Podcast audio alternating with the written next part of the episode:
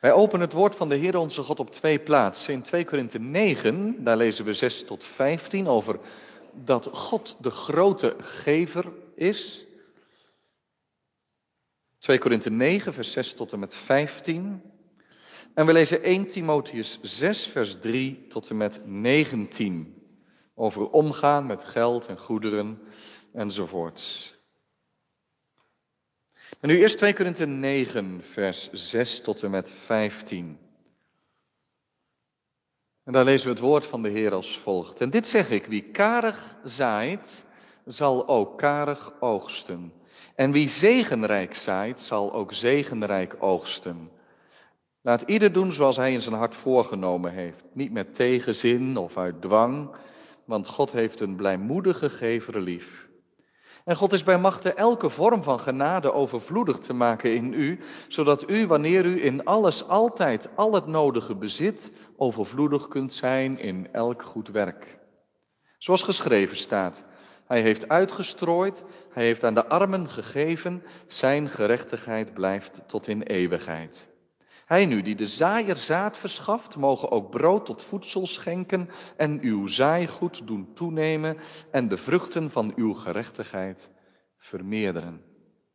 Zo zult u in alles rijk worden, tot alle vrijgevigheid in staat, een vrijgevigheid die door middel van ons dankzegging aan God teweeg brengt. Want het betonen van deze dienst vult niet alleen de tekorten van de heiligen aan, er is ook een overvloedige bron van vele dankzeggingen aan God. Want door dit bewijs van dienstbetoon verheerlijken zij God vanwege de onderdanigheid aan het evangelie van Christus, overeenkomstig uw beleidenis en vanwege de gulle handreiking aan hen en aan allen.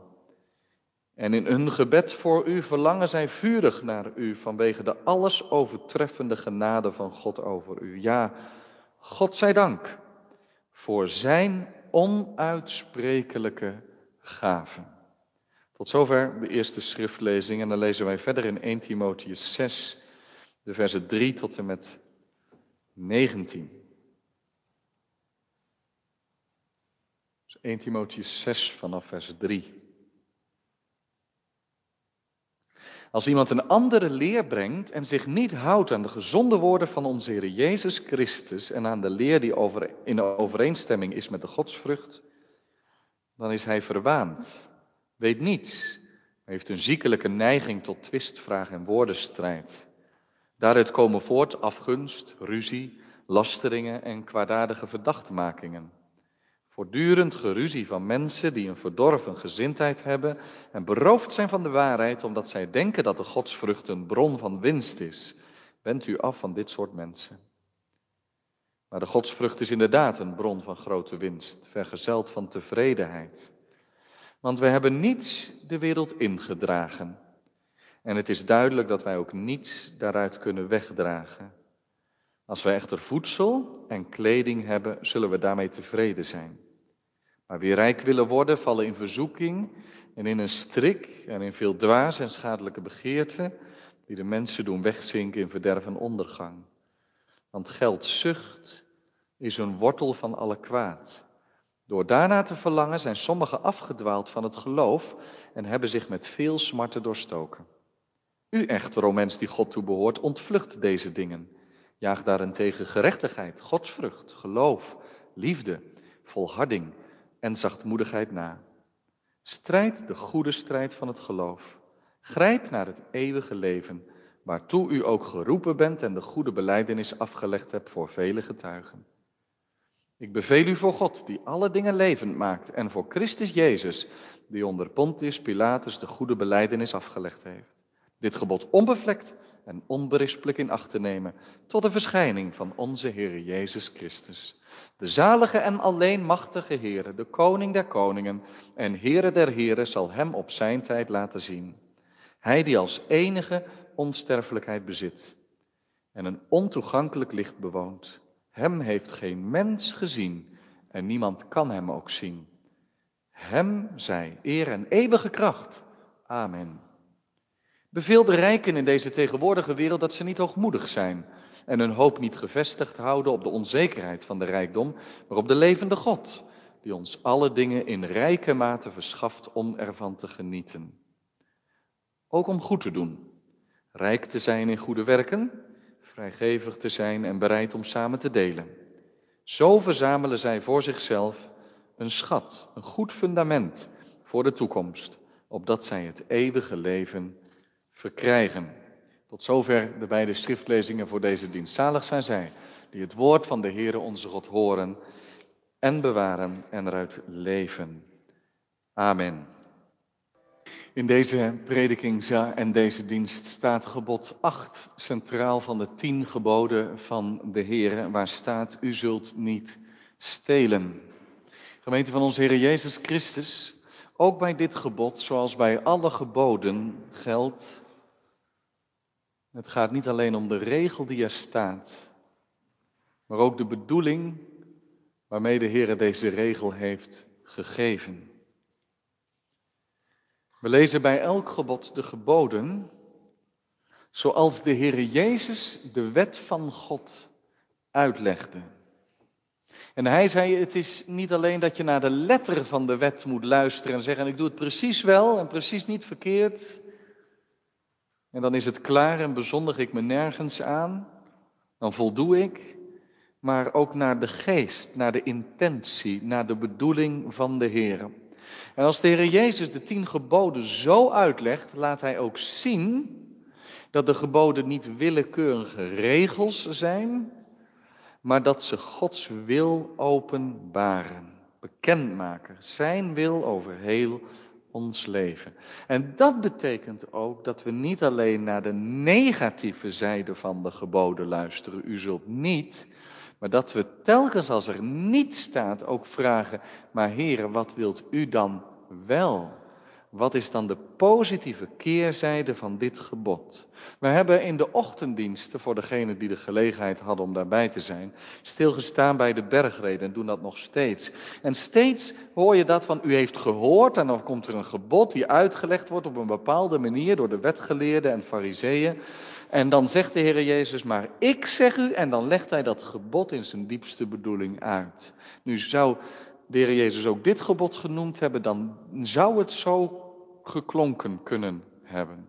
U hebt gehoord dat door de oude gezegd is, u zult niet stelen en wie steelt, die zal het dubbel of gewoon terug moeten geven met een bepaalde boete. Staat in de Bijbel ergens. Maar ik zeg u, dat wie jaloers is op wat een ander bezit, in zijn hart al diefstal heeft gedaan. Of wie lui is op het werk, zijn werkgever al beroofd heeft. En zo zou je door kunnen gaan met allerlei dingen die dat achtste gebod direct raken. We zullen ook zien dat als we zo het achtste gebod tot ons mogen nemen, dat het ook gaat over Gods wil, over hoe wij met onze bezittingen omgaan. En over wat we in 1 Timotheus 6 lazen, dat geldzucht, of geldgierigheid, de wortel is van alle kwaad. Dat is toch een heel bijzondere uitspraak. De wortel zelfs van alle kwaad. En dan zal het ook gaan over delen van wat we hebben gekregen. Eh, omdat God die grote, geweldige, onuitsprekelijke gave, namelijk zijn eigen zoon, aan ons heeft gegeven. Dankbaar omgaan met bezit heb ik het maar in samenvatting genoemd. Ik wil deze preek wat persoonlijk insteken. Ik hoop van harte, misschien is het wel tijd dat ik dat ook zo eens noem, dat u proeft dat in de prediking van de geboden ik hier niet sta om u of jou de les te lezen, maar dat we samen luisteren naar wat Gods geboden zeggen. En ook dat we, en dat mag bij elk gebod zo zijn, samen om een beetje klassiek te zeggen, in de schuld komen. Samen zien dat Gods heilige wil zo groot en heilig en goed is, dat wij allen schuldig staan. Ook om dan samen te beleven dat er bij de Here vergeving is. Altijd bij Hem geweest, Psalm 130. Altijd. Opdat wij diep ontzag hebben voor hem. En waarin de wereld geldt ten aanzien van dit gebod, eens gestolen is altijd een dief, past dat niet bij het evangelie. Want de Heere zegt, waar ik de schuld vergeef, is er een nieuw begin. Niet eens gestolen, altijd een dief. Ik vraag me bij de voorbereiding van de preek over de geboden ook elke keer af, waar raakt dit mij? Hoe sta ik schuldig? Wat vraagt dit gebod van mij? Heb ik blinde vlekken? U zult niet stelen. Het is, je zou bijna zeggen, een beetje een onschuldig gebod. Ik steel niet, ik wil ook niet stelen, nooit. Het gebeurt een enkele keer dat ik een artikel de supermarkt uitsmokkel zonder te betalen. Maar daar kom ik dan meestal achter als ik de auto inruil. Dat ligt dan onderin en dan ga je terug. U doet dat natuurlijk ook. En dan zijn de cashiers verwonderd dat je eerlijk bent. Want dat is een leuk moment. Ik heb er nog eens een keer een bosje bloemen aan overgehouden. Je neemt toch niks mee wat van een ander is?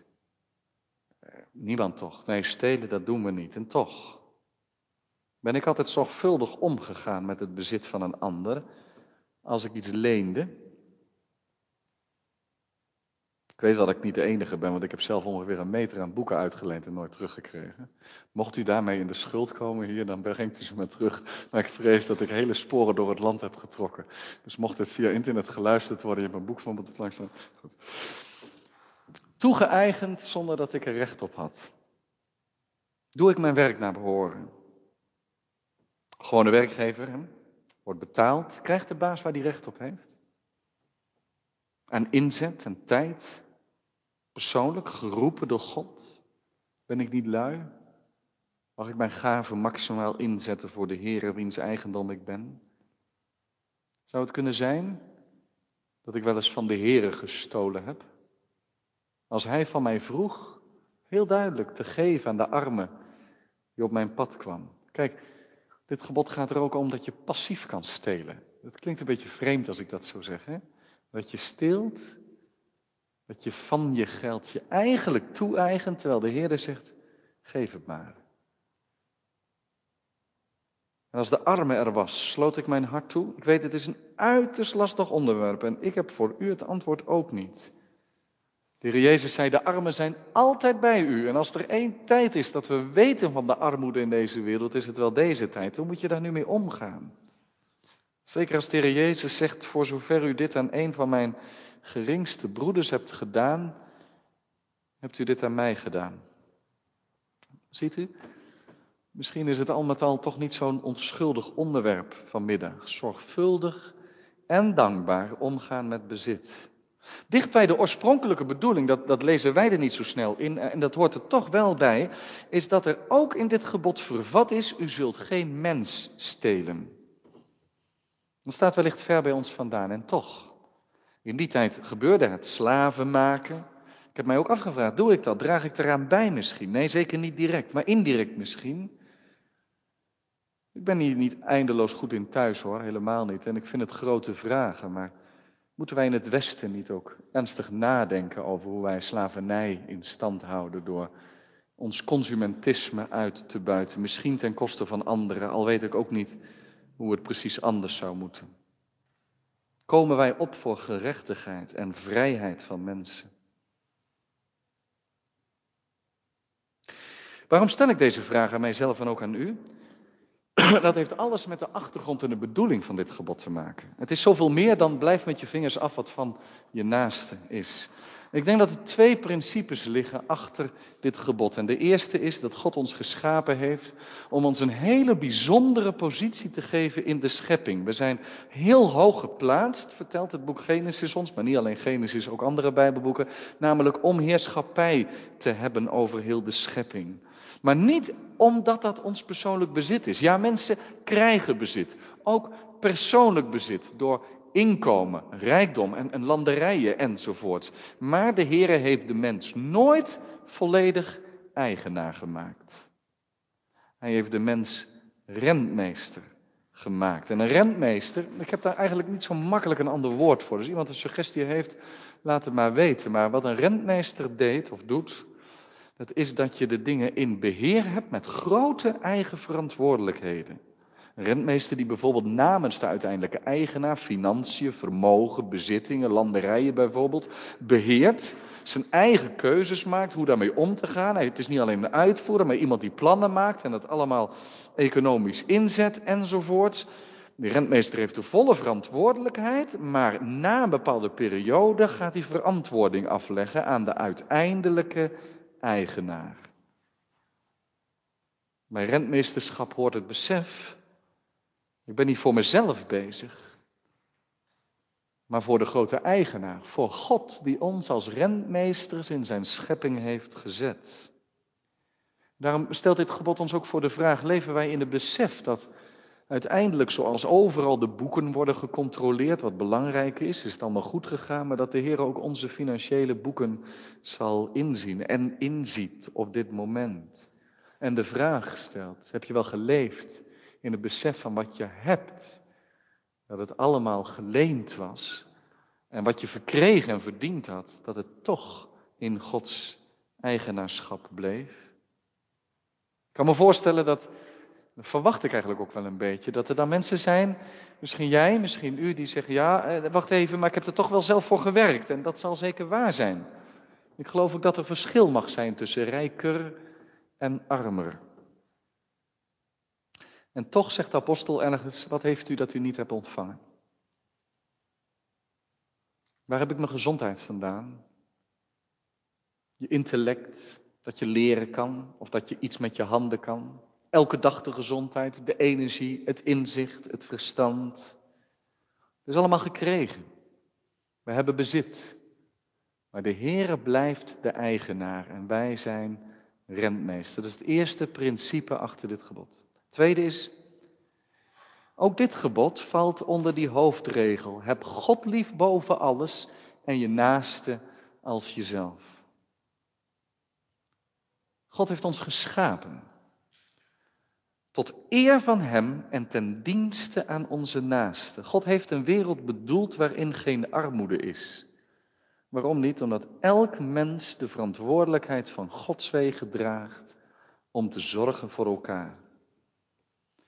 De verschillen tussen rijker en armer, zei ik al even, zijn volgens de Bijbel niet een probleem. Al is het beter niet rijk te worden en niet arm, zegt Agur in Spreuken 13, 30. Heer, als ik u wat vragen mag, wilt u geven dat ik niet heel rijk word, want dan zal ik u misschien vaarwel zeggen in mijn hart. Maar wilt u ook geven dat ik niet te arm word, zodat ik bij wijze van spreken u vervloek in mijn binnenste en tot stelen overga? Dat is eigenlijk een hele wijze spreuk van, er mag verschil zijn tussen rijker en armer. Maar die grote kloof die je in deze wereld ziet, dat is zonde. Daar mogen wij in ons de westerse maatschappij ook over nadenken. Ik weet, we hebben de sleutel niet zo makkelijk. En hulp verlenen in landen die bol staan van de corruptie is ook niet makkelijk. Daar moet je allemaal wijs over nadenken. Maar de Heere bedoelde de zorg. En door de zonde kwam er wel armoede. En uitbuiting. En woeker. En benadeling. En bedrog en zelfverrijking. En toen gaf God zijn wetten aan Israël. Ik, ik heb me erop eh, van, van opgekeken hoeveel van die wetten beschermend zijn voor de armen. Het is enorm. Ik, ga u niet eens een bloemlezing geven, maar u, u, hoeft er maar naar op zoek te gaan. Je komt zoveel wetten tegen waarin de Heer de armen beschermt. In de rechtsgang, waar iemand zomaar een zak met geld op tafel zit en het recht naar zich toe trekt. Of in armoede, denk aan Nabot. Een koning eist zijn akker op en hij zegt: Nee, dat kan niet, want dit heeft de Heer aan mijn familie gegeven. De Heer gaf een erfdeel in het bezit in elke familie. En als het zo was dat je door wat voor verkeerd beleid of door pech of door omstandigheden uiteindelijk geen oogst binnenhaalde en je kwam in de armoede terecht en je moest je eigen akker verkopen, het kan gebeuren toch? Dan was het toch dat zevende jaar, dat jubeljaar, waarin die akker weer terugkwam naar de familie. En zo zorgde de Heer ervoor. Niet dat de marktwerking helemaal weg was, maar toch dat die kloof tussen arm en rijk niet zo groot was. Zij moesten leven in het besef, we hebben één God. En God vraagt van ons om Hem te eren door onze naaste te dienen. Door te geven. En we zien de profeten de barricades opgaan om te preken tegen het onrecht, om te waarschuwen en te zeggen, u moet opkomen voor recht en gerechtigheid en de armen niet uitbuiten, maar eerlijk zijn. De arm is zo vaak kwetsbaar, machteloos in een corrupte wereld. Ook in een economische wereld, waar mensenwaarde sterk verbonden wordt met wat die opbrengt voor de maatschappij. De hoeken van de akker laat je staan, zodat de arme op zijn minst te eten heeft. Nu, als we deze twee principes goed voor ogen houden, geschapen met een taak als rentmeester van Gods goederen. En geschapen tot zijn eer en ten dienste aan elkaar. Je leeft niet voor jezelf. Van daaruit kunnen we twee dingen ons vragen. Heel letterlijk. Op welke manieren kun je stelen vandaag de dag? Vrijheidsberoving van anderen, misschien op allerlei manieren. Oneerlijke verrijking, machtsmisbruik, mensen onder druk zeggen, zetten. Oneerlijke handel, waar het vroeger was en die waarschuwingen, die kom je vaak tegen ook in de Bijbel. Je moet de gewichten niet aanpassen. Vroeger kwam je op de markt en de gewichten werden aangepast en je kreeg uiteindelijk minder waar voor je geld. Klein bedrog waarmee je uiteindelijk verrijken kan. Maar dat betekent voor ons dat als we onze spullen via tweedehands.be verkopen, dat we een eerlijk verhaal houden. Ook als je er daardoor minder voor vangt. Je verkoopt geen auto met een gebrek. Of met iets wat jij weet, maar de ander niet. Je gaat zorgvuldig om met bezit, juist van anderen. Het is opmerkelijk hè, dat als ieder eerlijk zou zijn in dit land, dat het begrotingstekort heel anders eruit zou zien en misschien wel weggewerkt zou zijn. In de kerk laat je anderen niet voor kosten opdraaien, terwijl je eigen verantwoordelijkheid laat liggen. Zo kun je verder gaan. Hoe gaan we om met gezamenlijke verantwoordelijkheid, met ons bezit? Maar verder ook, wel niets dieper, dien ik met wat ik van de Heere gekregen heb, hem en de naaste.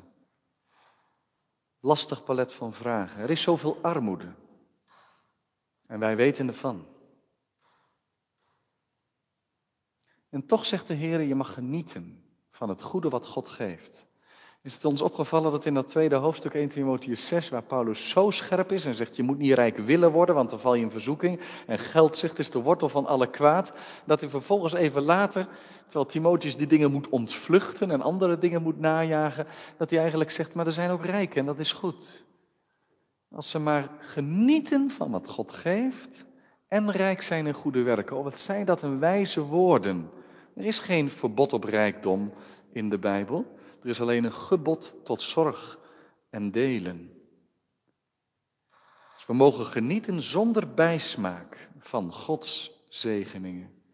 En toch herkennen we denk ik allemaal die vragen. Als ik nou zo leef en deze uitgaven doe en zo met mijn geld omga, wat blijft er dan over om armoede te lenigen? Hoe wil ik bijdragen aan de verschillen die er zijn in de samenleving tussen rijk en arm? Wat kan ik doen? Het zijn persoonlijke afwegingen die niet kunnen zonder gebed. En u krijgt er geen richtlijn van in Gods woord. Zoveel moet u precies weggeven en zoveel mag u zelf houden. De Heere heeft een blijmoedige gever lief. En daarom mogen wij bidden, Heere, wat wilt u dat ik doe met mijn geld, met mijn tijd, met mijn gaven, met mijn energie. Uh, misschien minder werken om meer inzet te kunnen geven, of juist flink veel werken, zodat ik wat heb om uit te delen. Zo zegt de apostelen tegen de Thessalonicenzen, alsjeblieft laat ieder, waar het mogelijk is, werken, zodat hij ook wat heeft om uit te delen. Het doel van inkomen is niet alleen leven en genieten, maar ook uitdelen. Maar misschien zit hier iemand die zegt, het is al moeilijk genoeg om de eindjes aan elkaar te knopen. Aan het einde van mijn geld heb ik altijd nog een stuk maand over. Ook dan mag je bidden. Hoe kan ik afhankelijk leven? Met wat de Heer geeft. Het weinige dat Hij geeft misschien. Hoe kan ik Hem dienen? Ik denk zelfs dat deze diepe lijnen die in het Oude Testament al aanwezig zijn, in het Nieuwe Testament nog een verdieping krijgen. Wat is een christen? Een christen is iemand die gekocht is met het kostbaar bloed van de Heer Jezus Christus. Hij heeft de hoge prijs betaald. Ons vrijgekochte losprijs betaald. Wie in Hem gelooft, is met Hem gestorven en met Hem opgestaan. Dat zijn, je zou kunnen zeggen, waarom gebruikt de apostel zo graag dat beeld? Omdat het het grootste en heftigste beeld is wat je nemen kan. Afgesneden van dat oude leven. Gestorven aan dat ik gerichte opgestaan met Christus. En zo, voor zover ik nog leef, leef ik in en door en tot Hem. Dat is een christen. Dus vanwege de schepping zouden we wel rentmeesteren moeten zijn. Zijn we rentmeesters? Maar vanwege de verlossing zijn kind, zijn eigendom, zijn dienstknecht. We zijn van Hem en we leven voor Hem. Hij is de koning van mijn hart. Hij is de koning van mijn leven. Hij is ook de koning van mijn portemonnee, van mijn hele financiële planning, van mijn overwegingen, hoeveel ik, als het al kan, zou kunnen sparen en hoeveel je weggeeft. De Jezus waarschuwt zo scherp tegen de mammon. Het is eigenlijk een van de weinige afgoden die een naam krijgen in het Nieuwe Testament. De mammon, de God van het geld. En hij zei, je kunt geen twee heren dienen. Het gaat niet. Je kunt niet God dienen en de mammon. Waar is je hart? Verzamel geen schatten op de aarde. De mot en de roest verderft en verteert ze. Je mag sparen hoor, maar niet oppotten. Weet u wat het verschil is? Sparen gaan uit van een wijs beleid, zorgvuldig omgaan. De Heere waarschuwt voor twee uitersten. Aan de ene kant verkwisting, niet goed. Aan de andere kant gierig zijn, ook niet goed. Geldzucht, de gierigheid, wordt zelfs de wortel van alle kwaad genoemd. Waarom? Omdat daar de ik-gerichtheid zegeviert. Gelukkig zijn de rijken, zegt de apostel. Die moeten zich maar niet aangevallen voelen, integendeel. Kerken kunnen er gelukkig mee wezen. Als ze maar rijk zijn in goede werken. En goed zijn en vrijgevig, zoals wij allen. Gemeente, het is door die eerste schriftlezing, 2 Korinthe 9, waarin we lezen over Gods onuitsprekelijke gaven dat wij erbij stil mogen staan hoe ons leven als christen is. Zijn we nou van Hem of van onszelf? Verzamel ik schatten in de hemel of op aarde? Een christen geeft en deelt uit. Hoeveel? Dat bespreek je met de Heer. Paulus zegt er alleen dit van. Wie karig zaait, zal ook karig oogsten. Dat is trouwens, had zo'n spreekwoord kunnen zijn. En elke boer die over zijn akker gaat, die zegt ik heb een beetje zaad, graan en alles wat ik zaai, dat kan ik nu niet opeten. Als ik trek heb, kan ik het beker nu opeten, maar heb ik volgend jaar geen oogst. Dat is een dilemma voor die boer. Je kan maar beter nu iets minder eten en genoeg zaaien, want dan vermenigvuldigt het het. Dat is bij geven ook zo. Als je hier leeft alleen van je eigen geld, dan eh, ben je als de boer die weigert om te zaaien. En als je karig zaait, hier en daar een handje, dan zul je uiteindelijk karig oogsten. Waarmee de apostel Paulus eigenlijk zegt, de beste rentes worden niet bij de ING-bank uit. Nou ja, sowieso niet, denk ik. Maar de beste rente is nog altijd op Gods rekening. De beste rente is geven voor zijn koninkrijk. Het zal u dubbel weder vergolden worden. En zo'n rente heeft u nog nergens aangetroffen. Dat is toch gek, hè? Dat als je 10 euro houdt boven de collectezak, dat die veel zwaarder weegt dan als je maar je gsm of aan de McDonald's uitgeeft. Heel raar is dat eigenlijk. Dat is vaak zo. Je denkt als je hem erboven houdt, die zie ik nooit weer terug. Toch? Nou, die ziet u, dat is de enige die u wel weer terugziet. Als u het geeft als een blijmoedige geven voor de Heer en zijn dienst. Blijmoedig, hè? Wie zuur geeft, kan het maar beter houden. Nee, dat is ook de oplossing niet. Wie zuur geeft, kan beter vragen of de Heer zijn hart bekeert. Zodat je blij mag geven. Hoeveel? U krijgt het niet te horen. Het is uw eigen vrijmoedigheid. Als christenen mogen we biddend nadenken over hoe we omgaan met wat God ons geeft. En uiteindelijk stelt dit gebod ons dan voor een grote vraag. En laten we onszelf erop onderzoeken. Ben ik echt van Hem? Waar ligt nou mijn vreugde in dit leven? In de uitbreiding van zijn koninkrijk? In het doen van zijn gerechtigheid? We zijn hier neergezet om de aarde goed te beheren, tot eer van God en tot heil van de naaste. Als eigendom van Jezus Christus, gekocht en betaald. Waar is onze schat? Wie een schat heeft in de hemel, kan genieten van wat God op aarde geeft. En van harte delen. Amen.